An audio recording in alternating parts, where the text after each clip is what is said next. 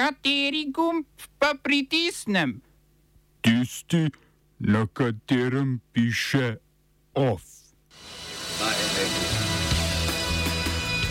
CIA v Afganistanu eliminirala vodjo Al-Kaide.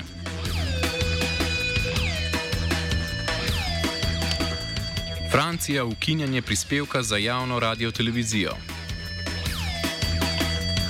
Nevladniki na Evropskem sodišču dobili tožbo proti Italiji glede zasega ladij z begunci.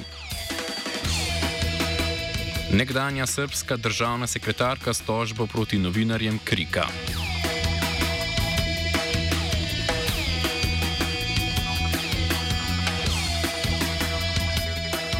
Ameriška centralna obveščevalna agencija, znana kot CIA, je z brezpilotnim letalom ubila vodjo Al-Kaide Aymana al-Zawahirija.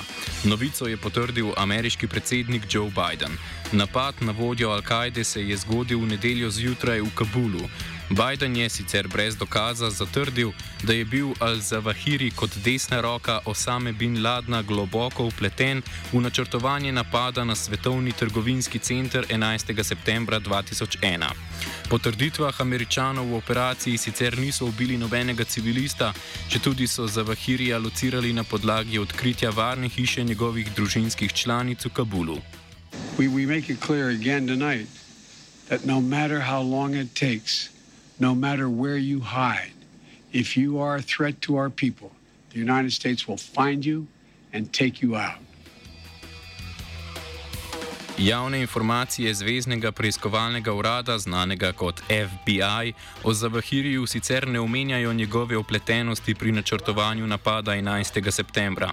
V tiralici FBI, ki je za informacije o Zavahiriju razpisal nagrado v višini skoraj 25 milijonov evrov, navaja, da je leta 1998 domnevno sodeloval pri bombardiranju ameriških veleposlaništev v Keniji in Tanzaniji.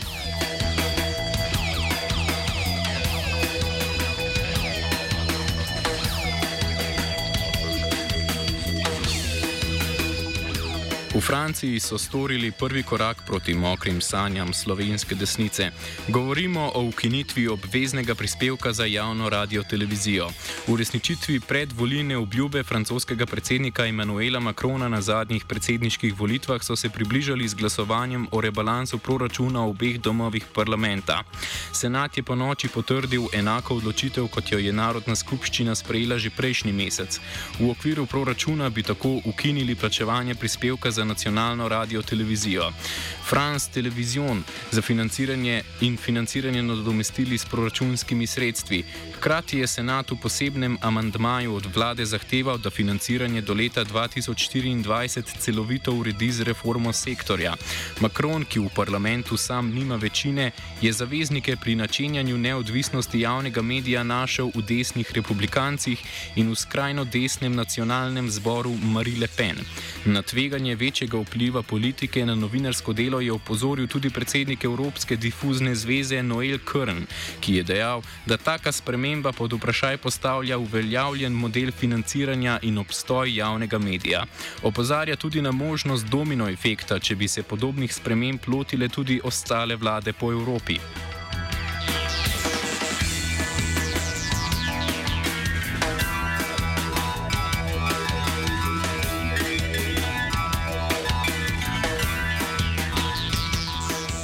Evropsko sodišče je razsodilo, da italijanska pristanišča ne smejo zaseči rešilnih ladij nevladnih organizacij z obrazložitvijo, da je na njih preveč ljudi. Primer je na Evropsko sodišče prišel po tožbi nemške nevladne organizacije Sea-Watch, pristaniških uprav v sicilijanskih mestih Palermo in Porto Empedocle. Evropsko sodišče je, odločilo, je odločitev utemeljilo utemeljilo s temeljno dožnostjo do pomoči ljudem v nevarnosti na morju. Zasedba ladje zaradi števila ljudi na njej je v nasprotju s to dožnostjo. Pristanišče ima po odločitvi pravico do varnostne inšpekcije na rešilnih ladjah le v primeru, da Ukrajino sodišče prej ugotovi obstoj utemeljenih sumov nevarnosti zdravju ali ogrožanja varnosti. Na podlagi inšpekcije lahko pristanišče ladjo tudi zadrži ali uvede druge ukrepe, ki pa morajo biti sorazmerni.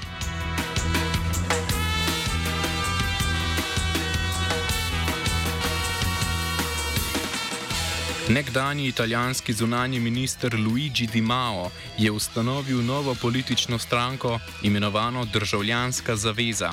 Stranka, ki v logotipu prikazuje čebelo, bo na septembrskih predčasnih volitvah v italijansko poslansko zbornico del levo-sredinske koalicije. Po besedah Di Mao, čebela simbolizira usmeritev njihove stranke v reševanje podnebne krize. Jedro nove stranke predstavljajo disidenti gibanja petih zvest, ki so skupaj z Di Majem dotično gibanje zapustili junija. Del nove stranke sta tudi dve manjši sredinski stranki: Italijanska republikanska stranka in Demokratični center. Gibanje petih zvest, ki je na prejšnjih volitvah osvojilo največ poslanskih mandatov in je bilo del vseh treh vlad od volitev 2018, še vedno dnevno zapuščajo vidni člani.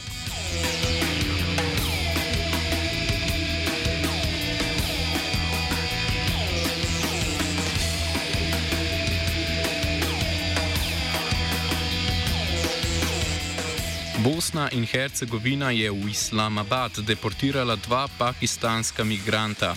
Ta sta prva deportiranca po sporazumu o vračanju, ki ga je Bosna s Pakistanom sklenila konec leta 2020.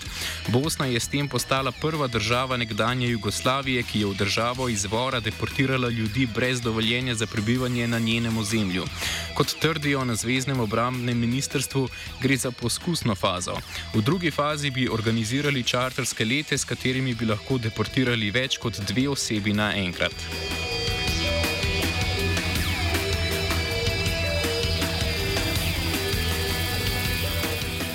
Nekdanja državna sekretarka srpskega notranjega ministrstva Dijana Hrkalovič je vložila tožbo proti mreži za preiskovanje kriminala in korupcije znani kot KRIK.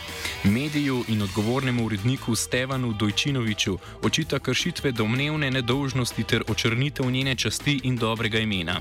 Hrkalovič zahteva izplačilo 6000 evrov odškodnine, čež da jo je krik v prvih mesecih letošnjega leta v šestih člankih neutemeljeno povezal s kriminalnimi klani in jo predstavil kot žensko brez moralnih zadržkov.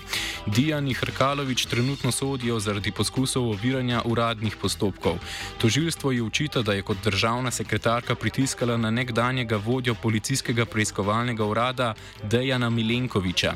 Naj tožilstvu ne predloži forenzičnih dokazov o preiskavi telefona Velka Belivuka v okviru preiskave umora Vlastimirja Miloševiča. Poleg tega je od Milenkoviča zahtevala naj uniči posnetek pogovora odvetnika Dragoslava Ognjanoviča, ki je bil ubit leta 2018. V posnetku, ki ga je Milenkovič tudi uničil, je odvetnik svojo stran stranko govoril o vezih Dijane Hrkalovič s pravnomočno obsojenim kriminalcem Darkom Elezom. Kakor trdijo pri kriku, pa toživstvo Dijani Hrkalovič ne sodi zaradi njenih povezav s kriminalno huligansko skupino Principi, ki jo je kot podružnico črnogorskega kavaškega plana vodil Belivuk.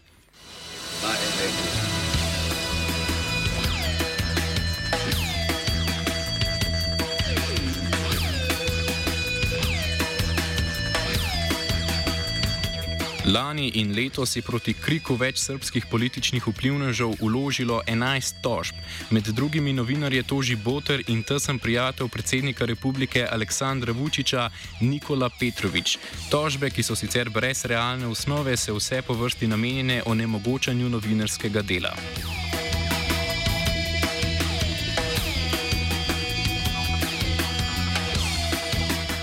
Mestni svet v Puli je z 12 glasovi za in 4 proti iz mesta predsednice mestnega sveta odstavil Dušico Radojčič iz vrst zeleno-leve stranke Možemo.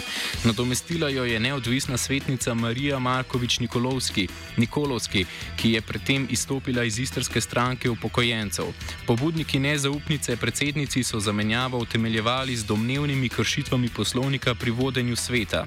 Na drugi strani je Radojčič prepričana, da sta namen njene razrešitve obstrukcija referenduma o pulski sprehajalni stezi Lungomare in nadaljevanje klientelističnih praks župana Filipa Zorčiča. Zorči, Zoričiča. Pardon. Koalicija še pred pol leta eh, je sicer možemo bil del vladajoče mestne koalicije, ki je razpadla prav zaradi iste referendumske pobude stranke Možemo.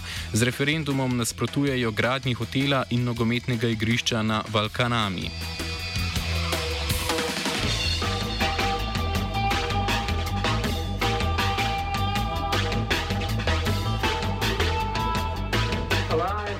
Bolgarski predsednik Rumen Radev je za 2. oktober razpisal predčasne parlamentarne volitve. To bodo za Bolgare že četrte parlamentarne volitve v zadnjih dveh letih. Razpisal jih je po treh neuspelih poskusih sestavljanja nove vlade. Kot tretji je propadel poskus bolgarske socialistične stranke.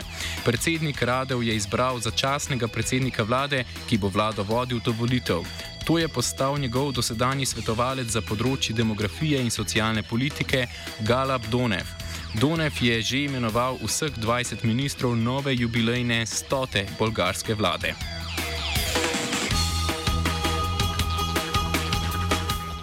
Ovsta pripravila vajenka Andreja in Blaž.